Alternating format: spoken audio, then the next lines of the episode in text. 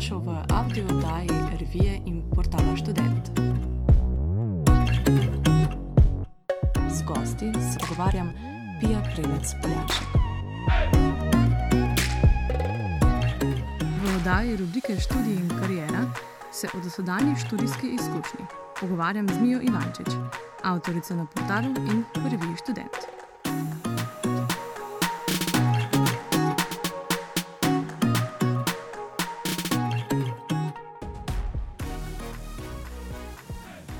Živijo, Mija. Živijo. Danes se torej pogovarjava o študiju. Uh, najprej me zanima, kaj študiraš, uh, na kateri študijski stopni si in na kateri univerzi.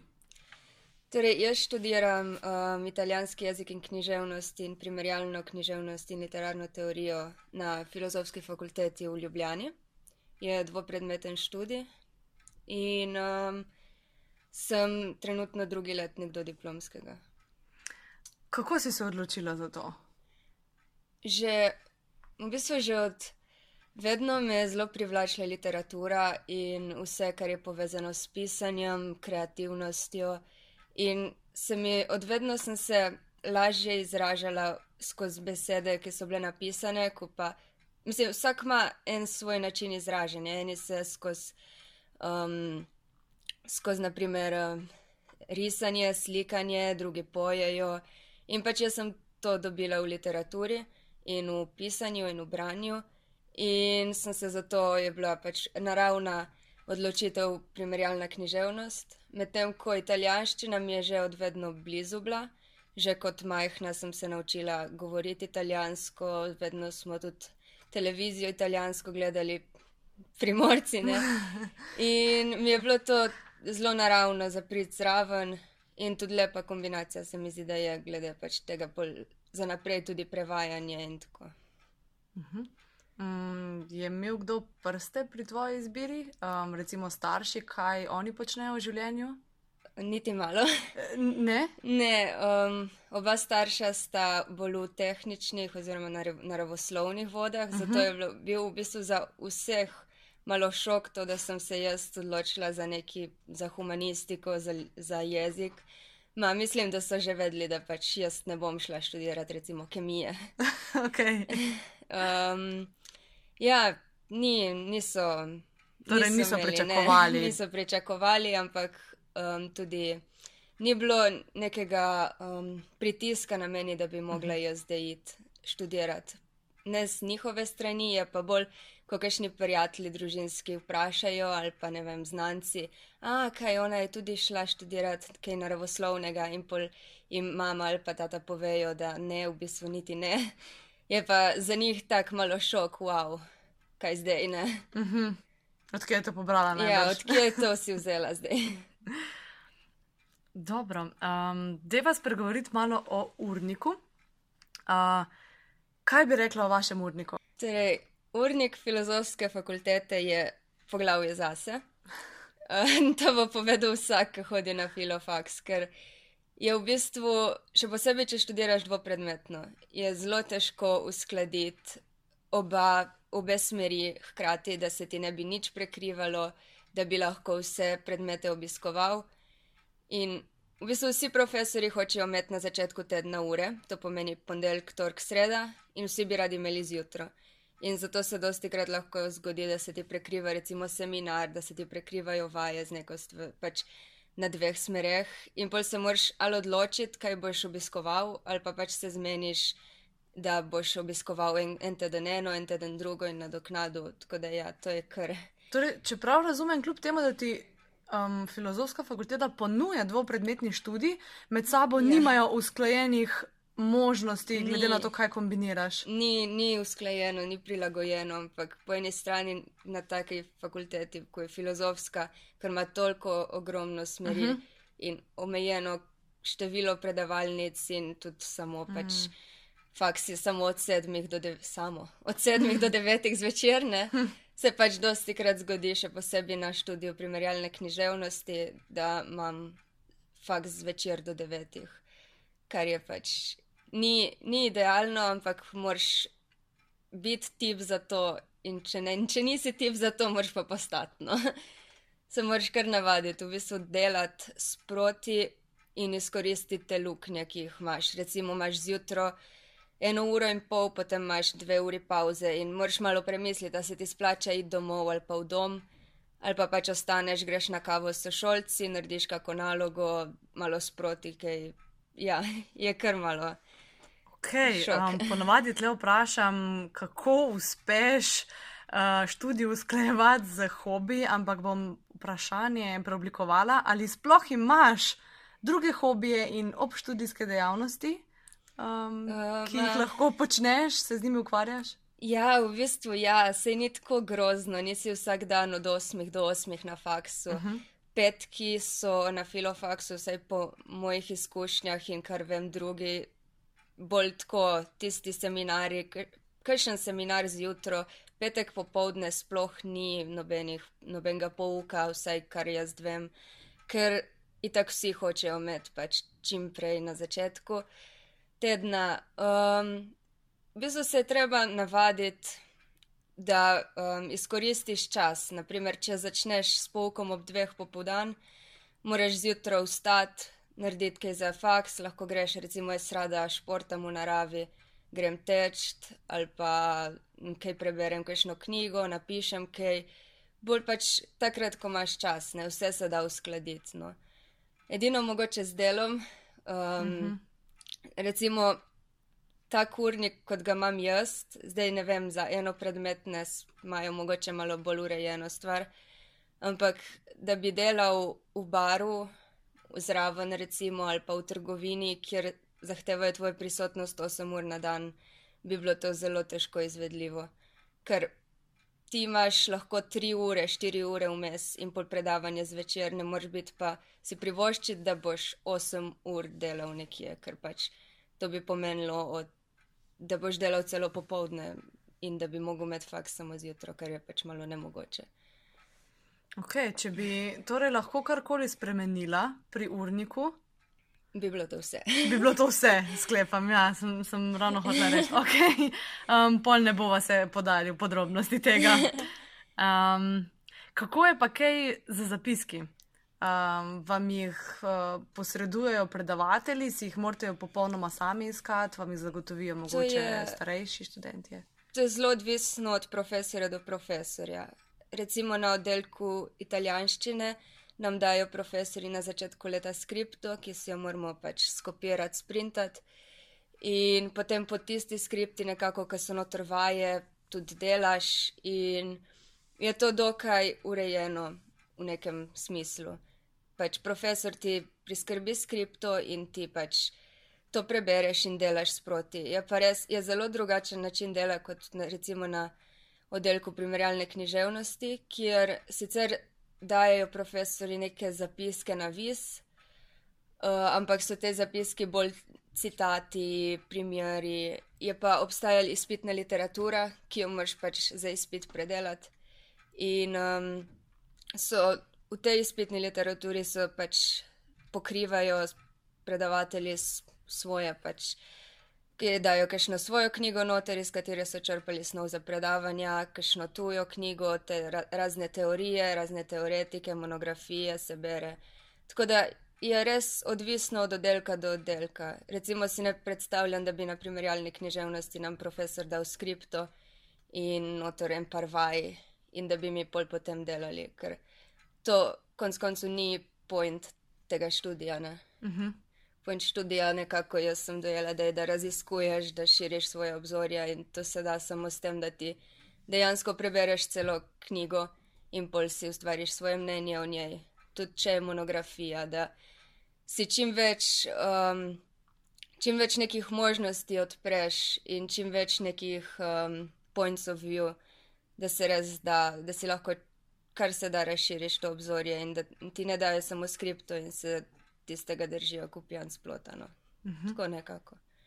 Mm, potem si pogosto obiskoval knjižnico ali si bolj nagnjena k kakšnim e-knjigam, um, kje si zagotoviš to literaturo, branje? Ta literatura je v bistvu dostopna v knjižnici na mhm. Filofaksu. Uh -huh. Vsak oddelek ima svojo knjižnico In je kar lepo porihtano, je pa res, da pač če pride 50 ljudi, ki morajo prebrati monografijo, eh, srečka Kosovela, ne bo imeli 50 knjig. Ne? Tako da se je treba malo prej začeti učiti ali začeti brati, ko pa ne vem, zadnja dva tedna pred izpitom, ker pač takrat te literature ne boš dobil.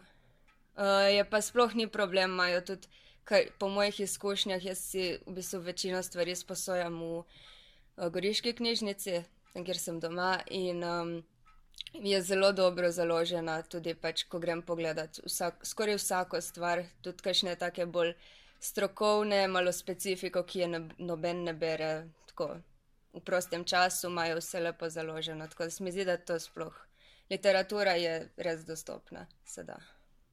Če le hočeš prebrati vse. um, kaj pa najtežji spit do zdaj? Najtežji spit do zdaj bi pa mogel biti na oddelku za italijanščino. Um, v bistvu že odkar prideš prvi dan, te že kar strese tisti glagol oziroma moderni italijanski jezik.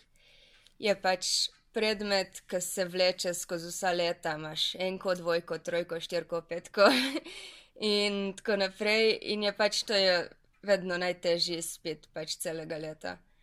Um, ker pokriva v bistvu res vse jezik, vso, um, vso slovnico, vsa pravila je treba vedeti. Um, na izpitu na, je pridejo pač pisni izpit, so um, vaje, rešiš vaje, na ustnem pa te vaje pol moraš zagovarjati teoretično podlago in pač je treba vedeti res teorijo in je treba znati. No, to, zdi, to je tak izpit, ki pač ga moraš dati čez. Da vidijo, da si resen in da nisi šel študirati jezika, samo zato, ker pač ne vem, si se učil že v srednji šoli in ti je šlo. Uh mhm. -huh. To je taki spet, ki je težek, ampak dejansko ti da dosti. In če narediš to, mislim, da ne bi smel imeti problemov za pol, kaj naprej. Je pa vsako leto. Prej smo se sicer pogovarjali um, o zapiskih, um, pa tega namreč nisi omenila, ampak me vseeno zanima, kako deluje tutorstvo pri vas. Um, je vzpostavljeno, vam tudi oni kaj zagotavljajo informacije, zapiske? Ja, tutorstvo je v prvem letniku, takoj ko prideš, te že preden vstopiš sploh na faks, kontaktira tutor, ti pošlje mail, da če imaš kako vprašanje, to pol na začetku priredijo tutori, tipo en tutor je za, ne vem, deset ljudi ali pa za cel oddelek, uh -huh. Odvisno koliko vas je. In potem priredijo tutorsko čajanko, lepo greš z njimi. Uh -huh. um, greš malo na kavo z njimi, um, lahko vprašaš, tudi zapiski z veseljem, vsaj po mojih izkušnjah, podelijo med nami. Recimo, so še do, dobra stvar, so tudi pri kakih večjih oddelkih, kot je naprimer oddelek za primerjalno književnost, kjer jaz svoje tutorke niti nisem spoznala, ker mi je ni bilo treba. Ker za kakšne zapiske je lepo Facebook skupina, kjer so noter ljudje že od leta 2010 in so tako prijazni ljudje podelijo zapiske, cele skripte, vse, kar so imeli. In si res lahko zelo pomagaš s tem. Pride zelo prav. Kaj pa prisotnost na predavanjih je obvezna? Tako bom rekla, odvisno od profesorja spet. Ne? Na, na oddelku za italijanščino imamo vse obvezno, uh, kar je lahko tudi zelo taka obremenitev za človeka, še posebej zato, ker pač, če smo pregovorili od urnika in se ti prekriva s kakšno stvarjo, ki bi jo res rad obiskoval, ampak tisto je pač predavanje, medtem ko in ni obvezno, medtem ko na italijanščini je pač obvezno in moč hoditi na italijanščino. Mm, kar po eni strani se meni zdi, da ni fair, ker pač človek, če eni se pač raje učijo doma in imajo svoj mir, medtem ko drugi pač raje slišijo stvar. In ne vem, ne moreš ti zahtevati od človeka, da je tam in gleda v luft dve uri, če pač si lahko isto prebere doma v 20 minutah, v pol ure in se nauči sam. Je pa res, da kadar se dela vaje in teh je prslovnici dosti, pač je itak da fajn, da si tam, da slišiš in to, tako da. To je res zelo, zelo različna oddelka. Ne? Na primerjalni književnosti so samo vaje in seminarji obvezni. pa še to neka določen procent, tipo, ne vem, 70-80% na prisotnost na seminarju, lih tako. In uh, predavanja pa sploh niso, ker imaš literaturo, imaš te monografije, te um, knjige od profesorjev, iz katerih črpajo to snov za predavanja.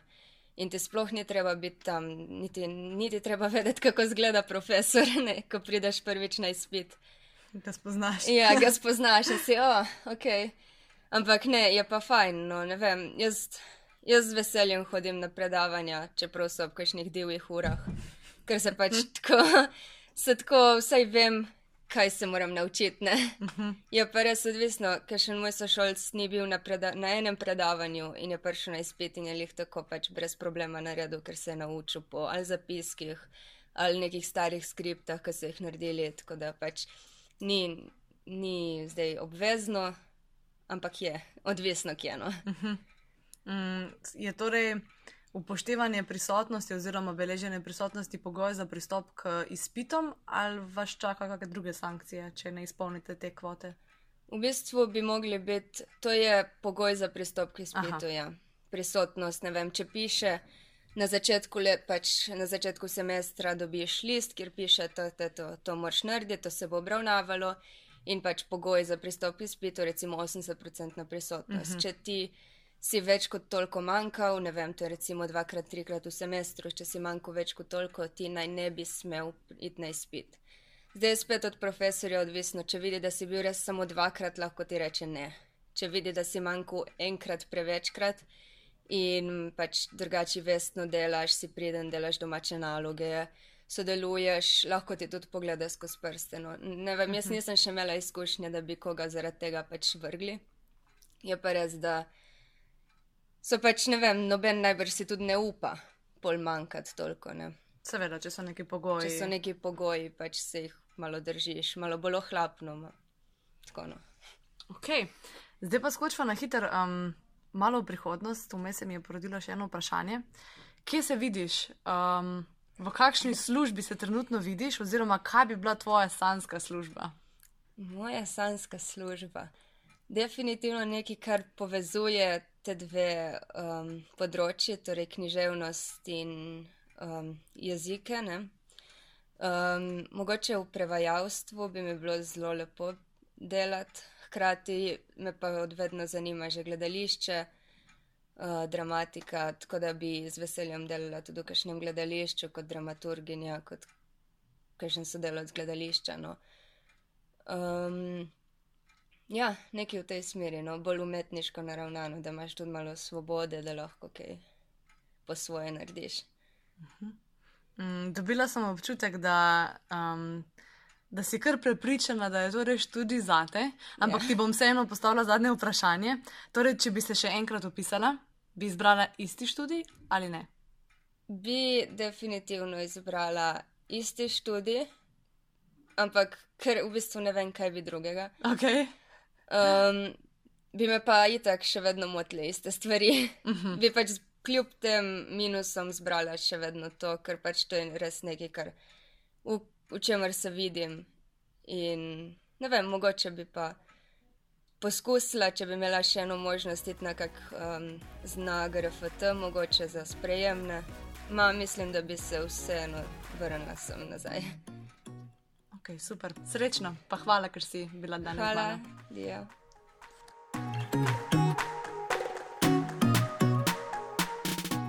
Lajkaj, šeraj, komentiraj. In nam povej, kakšne teme bi rad slišal v prihodnjih oddajah. Namige in ideje najdeš v reviji Student in na našem portalu www.student.com. Thank